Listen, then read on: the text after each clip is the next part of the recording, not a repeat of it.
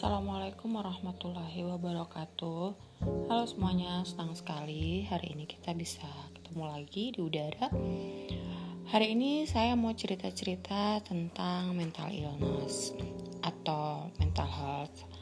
Beberapa hari yang lalu ketika saya memberikan pembinaan untuk staf dan guru di sekolah kami Saya sangat tertarik ketika dalam sesi sharing ada seorang guru yang bercerita tentang bagaimana dia struggling dengan uh, mental illness atau mental health-nya dia.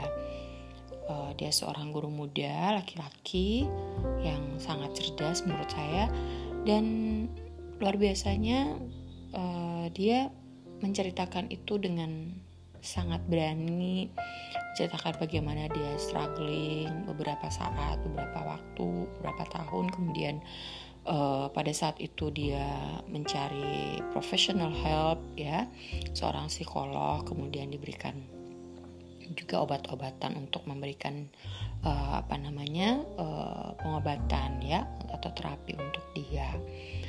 Nah, beberapa saat setelah uh, sesi pembinaan itu selesai di malam harinya, uh, saya mengirimkan dia sebuah uh, e-book ya uh, tentang uh, bagaimana kita merespon hidup dan bagaimana kita menjalani hidup yang lebih slow ya.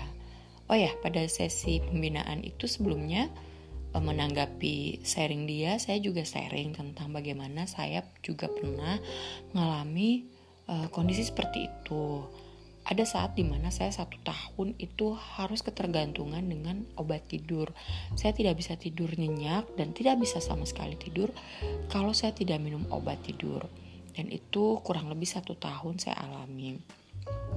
Dan uh, ketika saya ingin tidur, perasaan saya waktu itu saya takut mati gitu. Saya takut menutup mata dan uh, ketika uh, saya pikir itu sudah pagi saya tidak bisa lagi membuka mata saya alias saya mati. Dan itu ketakutan yang sangat luar biasa.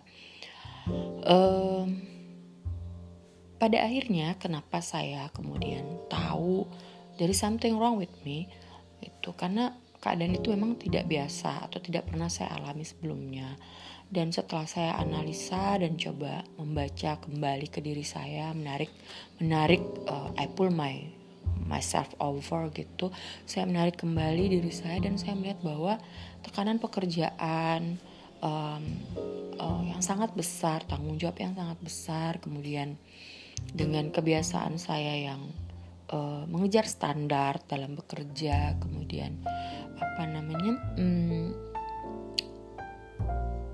ya itu dia mengejar standar dan uh, cenderung profesionis membuat saya itu kelelahan secara mental dan itu yang membuat uh, tumpukan uh, tumpukan emosi yang luar biasa sehingga mengakibatkan saya mengalami uh, mental illness uh, beberapa saat gitu.